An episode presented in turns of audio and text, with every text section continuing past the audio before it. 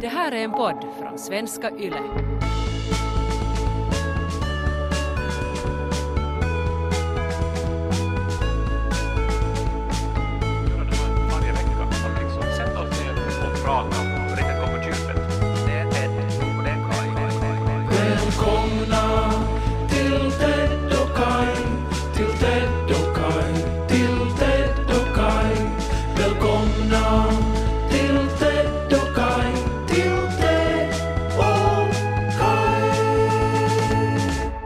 Jag skulle idag Kai vilja inleda med en, eh, en rättelse och eh, ett förlåt.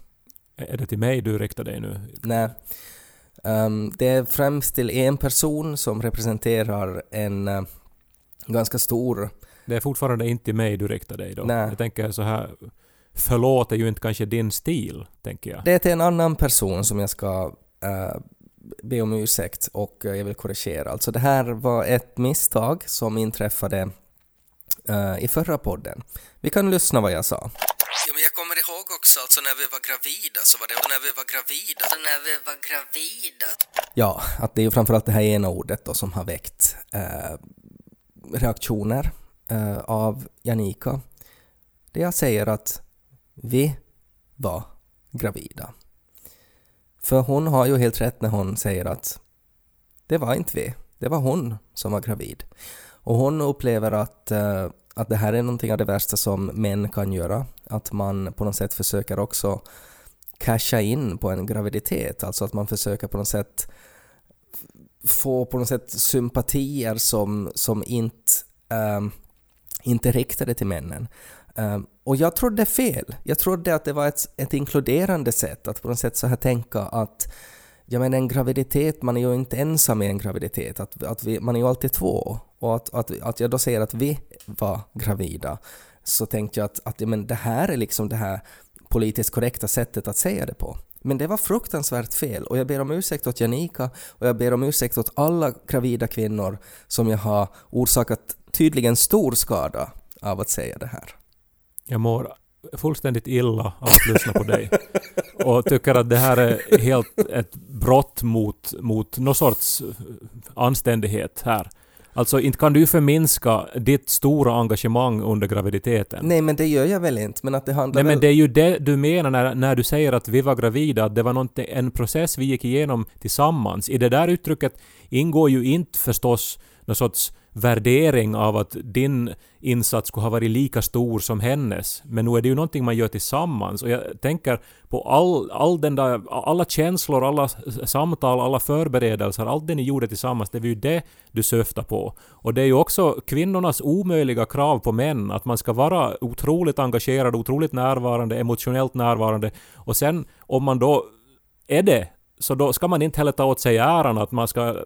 Alltså det, det, det går ju inte att vinna som man. Jag blir alldeles trött och jag förstår inte varför du går med på att be om ursäkt. Alltså varför skulle du be om ursäkt? Inte menar du någonting illa. Och det, och det, det du sa var inte illa.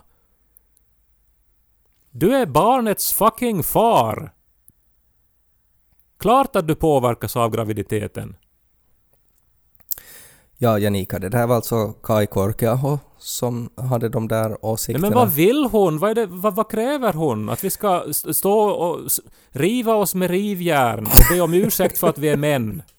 Nej, men det, rent konkret så var det hon som var gravid i, i den här gemensamma resan till föräldraskap. Och det var väl bara det hon var ute efter. Buen purmo puutuossa botling, som talar sitt så popna popcorn, så börjar vi popnu denna popcorn, så börjar vi lys på Ted och Kai. Det är någonting med det här att man medvetet missförstår den andras intentioner bara för att Eh, skapa liksom en konflikt och få liksom ut någon sorts tillfällig tillfredsställelse av att ja, jag har rätt. Att vara liksom i en grupp där man har rätt. Fast man vet innerst inne att det är inte så där lätt. Det är inte så där eh, svartvitt. Man kan se på det på många olika sätt. Och att han menar inget illa när han sa så här.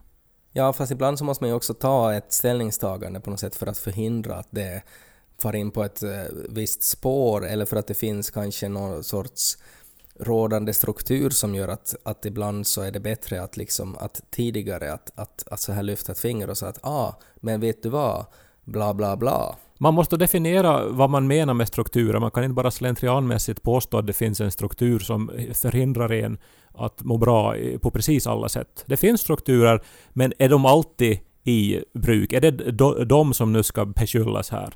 Eller är det någon som ska beskyllas alls? Kan vi bara vara tillsammans? Och vara människor tillsammans? Jag lyssnade på Barack Obama som pratade med New York Times The Daily. Det är alltid skönt att lyssna på Obama.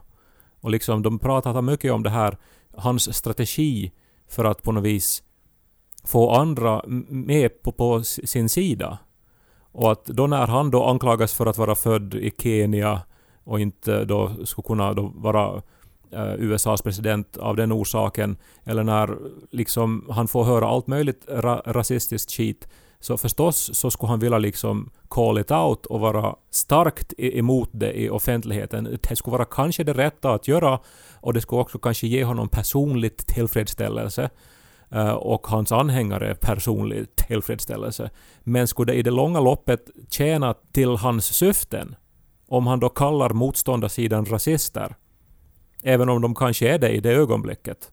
Att han liksom ser på det långsiktigt. Och så arbetar han med en sån strategi. Alltså han kväser det här inre behovet av att på något vis den där snabba tillfredsställelsen i att knäppa någon på näsan och arbetar istället för enhet. Men tror inte att om Michelle skulle ha sagt åt Barack att hörru Barack, vem var det nu som var gravid? Så tror du inte att, att Barack skulle direkt ha bett om ursäkt åt Michelle uh, som jag gjorde och, och säga att förstås var det ju inte liksom att, att det var av hans egen ignorans som han sa ett så här korkat uttalande. Att förstås menar han inte på något sätt förminska eh, uh, Michelles del av graviditeten som ju verkligen drog det tyngre lasset. Är det inte det som är just som Barack var inne på, att man tänker så här långsiktigt och använder psykologi? Som man ju bör göra i ett förhållande. Nej men det är ju Michelle som borde ha tänkt som Barack där. Att så här känns det nu. Men vad blir bättre av att jag nu då sårar hans känslor? Men hon kanske också tänker att hon gör det liksom för hans skull, alltså att det finns ju väldigt många som eh, upplever att, att Baracks uttalande var eh, fel. Och då tänker hon också att det liksom är, är- på sin plats att hon där behöver lära Barack att hej, vet du vad? Att det här kan tolkas så här och så här och därför så Eh, kanske man tar upp det här ämnet. Ja, men det kliar i fingrarna på oss allihopa och på... Eh, alltså vi vill, vi vill få de där snabba poängerna, de där segrarna. Eh, vi vill ha rätt. Det var också, jag läste nu på HBL hade Jan-Erik Andelin skrivit en krönika eh, om att han som kristen är trött på att eh, associeras med Päivi Räsänen. För han tycker inte att han har någonting med henne att göra fast han är kristen och han är trött på att tvingas försvara sin tro eh, mot alla då som, som är trötta på Päivi och som då menar att han på något vis borde stå till svars då för det som hon har sagt. Eh, och det var ju en helt uh, vettig tanke så här och jag förstår den. Eh, men sen i något skede så jämförde han sig själv som troende ung att det var ungefär samma sak som att vara eh, bög eller att vara invandrare eller ha ett handikapp. Att man hade liksom samma sorts eh, motstånd mot sig i skolan. Och då, då, liksom, då, då, då såg ju jag rött. Alltså att han började då jämföra en tro som han sj- själv har skapat och valt eh, med liksom de samhälleliga politiska hinder som en sexuell minoritet exempelvis får utstå. Inte, inte kan han ju säga så där. För att förstås, Nej, hur, hur skulle han kunna ens påstå att det, att det finns likheter för att han har inte vuxit upp som bög eller handikappad eller whatever. Nej men sen om, alltså det där är ju den initiala reaktionen och, jag, och det kliar i mina fingrar att gå in på Facebook och skriva det här. Och vara helt så här, är du heligt övertygad om att jag har rätt. Men sen är det, om jag nu börjar som försöka tänka mig in i vad han verkligen menar.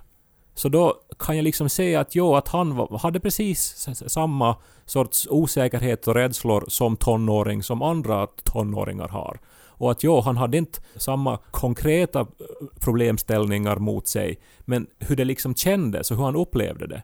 Och, och så försöker jag då liksom att, ja men, va, alltså gör jag det bättre här nu då om jag då liksom påpekar att han har ett tankefel i sin argumentation här, för att hans intention var ju inte att på något vis såra homosexuella eller invandrare, utan hans in, in, intention var att peka på att jo, han har också upplevt eh, en ensamhet och en utsatthet. Mm, ja, men samtidigt så tänker folk inte så mycket så att därför är det ju en poäng att ifrågasätta för att annars så i, i det långa loppet, i längden, så kan det förminska eh, upplevelsen, att det kan likställas de här eh, upplevelserna. Och det, det ska de inte göras för att de är väldigt olika. Att även om han hade, att intentionen inte var liksom avsiktligt elak, så gjorde han det på ett så fel sätt att det kan skada. Och då är det väl en poäng att ifrågasätta. Ja, kanske kan det skada. Men jag tänker så här, det här var en text av 200 000 som skrivs i ämnet och den här texten var ändå uppenbart så att säga på det godas sida. Så ska jag då liksom bara låta det som var misslyckatiden då passera för att vi är ändå på väg åt rätt håll. Istället för att gå på den här impulsen att nu, nu vill jag knäppa på näsan Ja. och ha rätt.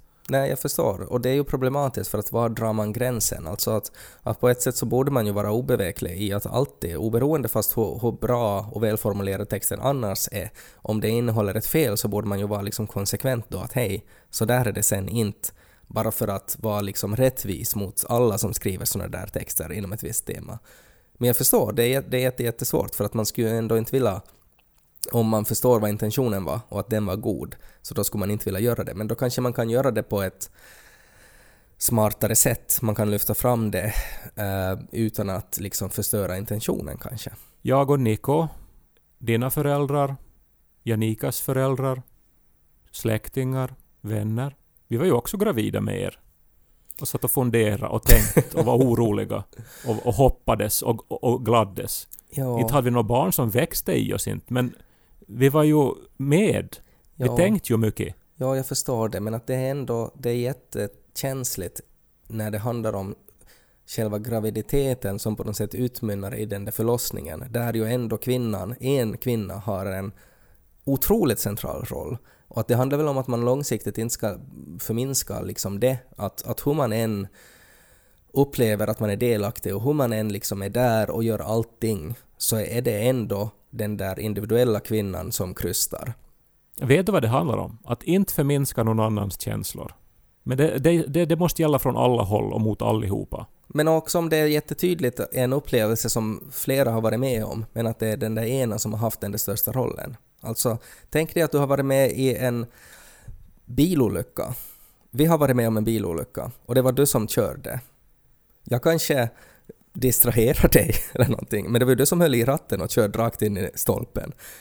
Så då, då var ju liksom, på ett sätt var ju liksom din roll nog viktigare där. Du skulle ha haft möjlighet att, det var liksom din fot som skulle kunna trycka på bromsen. Det var inte min fot. Så att även om vi var båda två precis lika delaktiga så var det ändå din roll upphöjd. Ja, det är jättesvårt att börja jämföra graviditet med bilolyckor. Ja, jag, tog, jag försökte hitta på någonting spontant som skulle också vara problematiskt att förhålla sig till och då tänkte jag någonting åt andra hållet, att någonting som är liksom fruktansvärt. Att man det skulle vara om ni tillsammans har byggt en bil och så, sen är det en som kör den och råkar ut för en olycka. Så nu är det ju hemskt, men nu lider ju den andra också för att den andra måste liksom genomgå det där och för att man var orolig och man var rädd. På men okej, bilar. Eh, jag har besökt eh, kompisar och där de tittar på Formel 1 och det var, det var så här väldigt spännande och exotiskt för mig. För att eh, det gör inte vi. Och, och Max Verstappen, han det sket sig för honom. Tänk dig att liksom hela det här stallet, alla de här människorna som jobbar med att den här bilen ska vara liksom, att den ska funka perfekt, att, att hjulen är där, alla har liksom uppgifter. Men det är den där ena chauffören som kör, som ju nog ändå på något sätt har det där största ansvaret. Det är ju en ganska bra liknelse. Och i en graviditet så är det kvinnan som kör bilen. Mannen servar, gör allting, Eh, ser, ser liksom viktig ut med sina hörlurar i, i båset och har de här maskinerna som skruvar dit hjulen på 0,3 sekunder. Men det är ändå kvinnan som kör. Och jag tror inte att eh, Max Verstappen skulle bli glad om någon skulle på något sätt förminska hans roll i att det var ju ändå han, det är ju ändå han som liksom står där och sprutar champagne. Lika som det ska vara för kvinnan. Och det var, jag tror att Janika upplevde det som att, att jag skulle ha liksom, att när hon står där och firar segern, hon står på number ett och spritar champagne, och så skulle jag stiga upp där bredvid henne och liksom också stå där och vinka och kanske ha en lite mindre champagneflaska. Men det gör de ju inte när de tävlar i Formula, utan det, det är chauffören som är ensam där på pallen. Du är otroligt generös i din eh, liksom tolkning av hennes kritik här nu tycker jag. Jag tycker att hennes kritik är otroligt befogad och att jag försöker inte ens förstå. Alltså jag, hade, jag trodde ju att Men jag när gjorde du, rätt. sa, när, när du sa det här, så det du gjorde i ditt inre var ju inte att du steg upp på prispallen och, och sprutade champagne. Nej, men det tolkades så. Och då ska jag förstås be om ursäkt. Att jag sa någonting som kan tolkas så. För att då var det ju en dålig formulering av mig. Att, ne- att det kunde tolkas så. Då, hade, då var det ju min brist på förståelse som gjorde att jag kunde säga en, en, ha ett sånt uttalande. Nog tror jag ju att Janika också skulle hålla med om att då när du sysslade med eh, det här morgonradio och gjorde Teds nya ord, så var det ju vi alla som gjorde Teds nya ord. Kaj, jag upplever att jag skulle vilja få en ursäkt nu för dig för att du sa det där.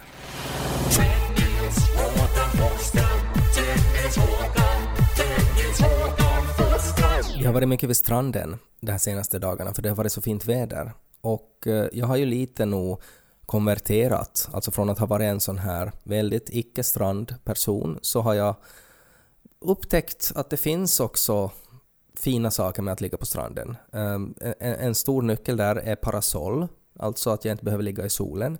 Och sen att man kan alltså ligga och läsa på stranden. Att det är väldigt skönt och väldigt trevligt. Och sen finns det ju också otroliga food trucks. så man kan också gå och köpa goda saker att äta på stranden och det är någonting som jag tycker är väldigt fint. Du kommer väl ihåg solkräm, vill jag nu bara säga. Det är ju livsfarligt just nu att vara ute i den här starka solen utan solkräm. Ja, det här är jobbigt alltså för jag har alltså en aversion mot kräm och salvor. Alltså jag tycker att det är otroligt obehagligt att, att sätta på sig salva.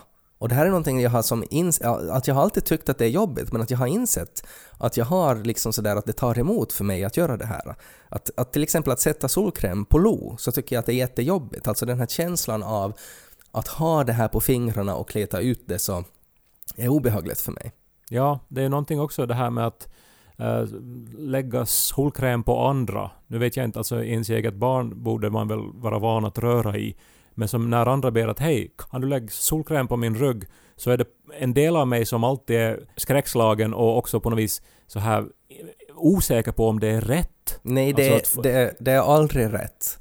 Alltså det är att om, om det inte är just Janika som frågar av mig så då är det precis samma sak som att en främling skulle komma fram, dra ner byxorna och säga att skulle du kunna ge mig oralsex? Alltså det är exakt likadant. Alltså det, det är allt så mycket begärt på en liksom... på, det är för intimt. Jag kanske inte skulle ha dragit det så där långt i liknelseväg, men det, du ändå är på, har huvudet på spiken och hur det känns. Ja, och det är någonting sjukt tycker jag med personer, alltså kompisar som på något sätt bara drar av sig tröjan och är sådär ”Skulle du kunna sätta lite på min rygg?” det, Då är det sådär att man vill bara skrika nå nej! Verkligen inte! Och att, att det är till och med, det är ju liksom mycket begärt redan när man är ihop tycker jag. Framförallt om man då som jag tycker att det är liksom jobbigt att ha salva på fingrarna. Så då är det sådär att okej, jag kan göra det för att jag älskar dig. Men inte mot en kompis. Men det finns ju parasoll och så vidare. så Ja, att man, nej, det, här var, det här var egentligen bara som en liten parentes vad jag egentligen skulle prata om. För att jag trodde, jag såg en sak på stranden som jag trodde inte fanns något mer, eller som jag på något sätt trodde att det här var en sån här grej som, det var liksom en del av amerikanska komedier från 90-talet. Att det här är någonting som, som man bara behöver finnas på en strand för att en strand ska vara en strand. Och jag pratar alltså om en man med en metalldetektor. Eh, jaha. Det är ju någonting som är liksom i filmer på stränder så sätter man in en sån i bakgrunden, en man som går med metalldetektor. För det är någonting som folk gör. Och jag har på något sätt tänkt att det, men det där är ju nog någonting som Hollywood har hittat på, liksom, att, att så där är det ju inte. Men nu såg jag alltså för första gången så såg jag en man som gick med metalldetektor vid, vid stranden här i Nordsjö. Det- alltså, som, alltså som letar i sanden eller vattenbrynet? Eller? Nej, i sanden. I sanden, alltså. Ja, så han letar efter att, typ för att människor som har legat där har tappat sina ringar och No, sånt. det är ju det som är så konstigt, alltså för att på ett sätt så tänker man att okej, om du är intresserad av arkeologi så då kan du ju, eh, det det är ju oftast så här väldigt nördiga gubbar och då är det väldigt, har de en så här liksom en annan hobby som också angränsar den här hobbyn som är teknik och då är liksom metalldetektorer att, att det blir så här fint vändiagram hur liksom två hobbyn liksom möts där. Teknik och arkeologi är lika med metalldetektorer och då kan jag liksom fantisera att, att då får man till butiken och köper en metalldetektor. Men den här mannen var ju inte att leta efter vikingaobjekt, utan det som han ju gjorde var, alltså det som hans hobby var, är att han vill hitta värdefulla föremål som inte är hans. Alltså det är ju som en avancerad form av att vara tjuv, liksom att han letar ju efter vigselringar, Rolex-klockor, saker som man tar av sig och slarvar bort på stranden. Och sen har man på något sätt byggt upp en hel... Ja men det här är en hobby, det är bara roligt att göra det där. Som att det skulle vara som, en- som fågelskådare så skulle man också kunna vara liksom hemskådare, att man klättrar in i fönstret och går igenom eh, skåpen och lite ser vad som finns där och Ja, men nu kan det ju hända också att eh, om hen då hittar en vigselring som det står då, nu jag vet inte då, Stefan eh, andra juli 98, att han då lämnar in den någonstans. Nej, jag såg, som- vet du vad Kai? Jag såg på honom att han skulle inte göra det. Ja. Det, det, det är Ja, sådana där saker som man ser i en, en person och han var en sån här person, han skulle bara, han var, han var arg och sur för att han inte hade hittat någonting dyrt han kunde liksom ta den där morgonen. Mm. Men där är ju ändå den här aspekten att, att, att om inte Stefan och hans fru var där och letade efter vigselringen, att, att, att de har liksom gett upp hoppet och struntat i den. Så nu är det väl bättre då att någon hittar den än att den bara ligger där och går till spillo. Men håller du inte med om att det är en jättekonstig hobby också? Alltså det, jag tänker sådär att men vad är det som lockar en? Och, och någonting, alltså om du är spelberoende, alltså att du, du spelar blackjack till exempel, då kan jag också tänka mig att, att det kanske skulle ha någonting med det att göra. Att man, man blir så här besatt av att oj, tänk om jag hittar en, en en guldklimp på fem kilo, liksom att, att man på något sätt lever en fantasi om att det finns nog en jackpot vid den här stranden som jag kommer att måste hitta. Att det är jätte, jättekonstigt att hur man ens börjar. När går man liksom ordnas det i, i skolor liksom så kan man ha som tillval metalldetektor. Alltså var, hur börjar man med en sån här hobby? När jag var liten hade jag inte så mycket pengar, eller jag hade noll eh, mark. Eh, men det fanns en kiosk i eh, mitten av byn och eh, man var ju förstås hela tiden sugen på glass och karki. Och jag visste att okej, jag har inga pengar. Men om jag letar i en timme så kommer jag att hitta åtminstone fem mark. och, och det här funkar alltid. Var letar du då? Man bara tittar ner och letar på marken så hittar man pengar överallt. Och, och, och det här funkar varje gång. Så att jag hade som aldrig heller liksom penningbrist för att jag satt ner en massa tid på att, på att leta. Alltså så att, att du var sugen på glass, du hade noll mark och så på vägen till glasskiosken så hittade du fem mark. Nej, inte på vägen dit, men jag gick och letade överallt i byn i en timme. På Får marken du in alltså. i andras hus då och letar i deras plånböcker? Nej, jag letade på marken och i dikesrenen. Och, och eh, jag vet, inte om det här nu då var specifikt då för Esse då. Det fanns ju mycket Nokia-miljonärer i Esse. Det kan ju hända att de, att de, att de slängde pengar omkring sig, det vet jag inte. Men, och, och jag vet inte om det heller har ändrat säkert idag för att folk har ju inte kontanter på samma sätt. Men, men det var bara intressant att, att om man letar så hittar man värdefullheter. Om man har upp, uppmärksamheten skärpt. Men alltså påstår du nu att du tänker dig att, att, liksom att du skulle kunna tänka dig att ha en metalldetektor? Ja, min muffa hade en metalldetektor som barn och det var det häftigaste jag visste. Och vi hittade också, jag, jag tvingade ju honom att, att vi skulle hela tiden vara ute och leta med den. Han lät mig inte använda den själv för den var dyr. Uh, och vi hittade ju alltså mynt, uh, vi hittade saker som han påstod var dinosaurietänder, har sedermera lärt mig att det inte var det. Uh, och en gång hittade jag en, en sån här gammal metalltändare, alltså som funkar med bensin, en sån här Mm. jättefin. Ja, okej. Men Va- Det, det här känns ju som väldigt ny information nu. att- Alltså, du har metalldetektorer i släkten, alltså så nära som din muffa. Frågar du någonsin varför han skaffade en metalldetektor? Vi kallar det inte metalldetektor, vi kallar det skattsökaren. Ja, Och, och så gick vi omkring och, och, och det var ju så spännande. Det, det, var ju, det aktiverar ju allt sån här Indiana Jones i en, vet du. Att man kan hitta skatter men då det, känns som, det känns som att det är så tokigt också att det har inte liksom utnyttjats till någonting annat. Alltså jag tänker sådär att att okej, men vad är, jag försöker fundera på positiva aspekter. Nej, men du är ute och rör dig i skog och mark och på stränder för att hitta andras ägodelar. Att, att varför har ingen uppfunnit liksom gångstavar som ska vara inbyggda metalldetektorer? Så att du kan liksom, du går med en gångstav som ändå är sådär att det är ett accepterat, en sån hobby kan du ha, men sen så pipar de till alltid att om, om du råkar gå ovanför en skatt. Att det skulle vara bättre det, för då skulle man ju inte på något sätt dras av det här stigmat av att man är en tjuv som är besatt av förmögenhet. Jag tycker inte att man är en tjuv om man letar fram någonting som någon annan har struntat i. Men inte har de ju struntat i det, de har ju slarvat bort det. Och kanske far varje helg far de till stranden och tänker sig att Nej, men någon gång kommer vi nog att hitta det där. Men inte kommer vi att hitta det mer för att den där metalldetektorgubben har ju sålt det. Du om någon borde väl vilja ha en metalldetektor som ju går igång på sån här teknik och, och allt sånt. Men varför skulle...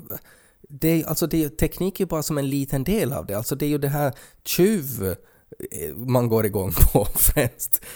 liksom det är ju ett redskap för att stjäla. Det är ju det en metalldetektor är. Lika som en glaskärare eller en sån här grappling hook.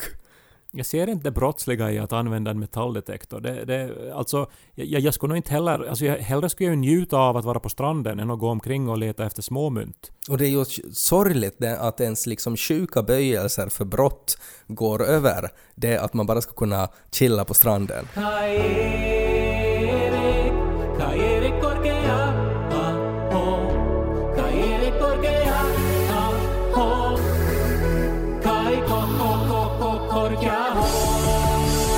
Kan man säga att vår samtid är full av, om vi nu då jämför med den här metalldetektorn, konfliktdetektorer. Människor som går omkring i samhället och letar efter saker att bli kränkta över. Konflikter som bör tas upp för att man ska få till stånd en liten diskussion. Ja, på ett sätt kan man väl säga det, men jag tycker jag anar en sorts vinkling kanske mot att, eh, att det är onödigt och att det är liksom konflikter som man hittar för att skapa konflikt. Och så behöver det ju inte vara. Det kan ju också hända att man... Stopp, stopp, stopp. Det är ju det här letandet. Det här är det konflikter som finns under minst 20 centimeter jord. Och de finns nog där och de är nog säkert konflikter, men måste man nu liksom gräva fram dem? No, det handlar väl om att om man tidigare har haft dem under jorden så länge, vissa konflikter också, och att de har liksom skapat ett gift som förstör det man odlar, så då kanske det är ju dags nu då att gräva fram dem och, och, och, och, och sälja dem dyrt åt någon annan. Jag minns den här Muffas metalldetektor hade ett sånt här knastrande ljud när det liksom eh, när det var ingenting speciellt. Och sen så började det låta så här ele- elektriskt hummande då när man närmade sig metall. Och, och ju närmare man kom desto starkare blev det. Så det var som...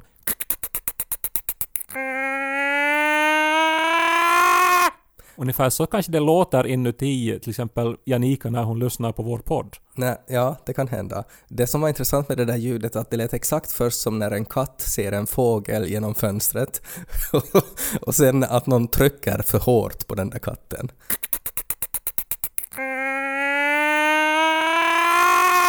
Eh, jag tycker på något sätt om den här tanken av att, att ha en, en varning för en konflikt som är på väg tycker jag skulle vara väldigt bra. Alltså sådär att, att man skulle kunna ha någon sorts halsband runt sig som skulle ha en liten apparat och sådär att alltid när jag gör någonting eller säger någonting så skulle det kunna börja då när, när jag märker att, liksom att, att det här påverkar Janikas halsband som hon också har, som är liksom kopplad till ens hjärna och hur man mår och sådär. Eh, och, eh, och sen om någon säger någonting tokigt eller skapar den här konflikten så då börjar liksom båda två uh, få ha det där äh! ljudet och så skulle det liksom, så skulle man kunna stanna upp och så skulle det säga ding och så skulle det säga vem som hade fel och vem som hade rätt. Så att man behöver inte reda ut det, utan att de här apparaterna liksom finns i bakgrunden och på något sätt tolkar det här automatiskt, så att de vet alltid att nej, det, det, det var Janika som hade rätt där. Och så kan man liksom konstatera, ah, nej men förlåt. Och sen om, om jag inte säger förlåt så ska det kanske komma ström i mig tills jag säger förlåt. Nu kan, jag drog det kanske för långt här i slutet, men ändå liksom sådär att det skulle underlätta. Mm, men det jag vill att folk ska ta med sig från det här avsnittet är väl den här tanken att kanske båda sidor har rätt i de flesta frågor, på något sätt. Och att man ska försöka se det istället för att klamra sig fast vid sin egen ståndpunkt och mena att, att det att den andra inte liksom belyser 100% av synvinklarna i sin argumentation, att det inte betyder att den inte ändå förstår mig och att, den inte, och, att inte vi tillsammans ändå vill det bästa för varandra. Jag tänker väl på ett sätt också att om två personer vill någonting lika mycket, om man tar ett beslut att det här vill vi göra, men att det är bara en av de där personerna som då har någonting inuti sig som växer i nio månader och sen kläms det ut ur ens könsorgan. Så då är det kanske nog den personen som får helt enkelt ha mera rätt. För att den andra som inte har gjort det där ändå finns risk att man missförstår saker, för att man har inte den upplevelsen. Och då är det väldigt lätt att bara konstatera att oj, sorry, förstås ska vi göra sådär. Utan att det ska kännas liksom tokigt för den som inte har klämt någonting ur sitt kön. Kära vänner, njut av era kön och av era nära eh, relationer. Njut av sommaren. Åtminstone nu så länge det går. Ännu har det ju inte kommit något sommarprat äh, offentliggjorts. Så ännu är det ganska skönt faktiskt. Att, äh, Nu började det alarmera här när du pratar om sommarprat.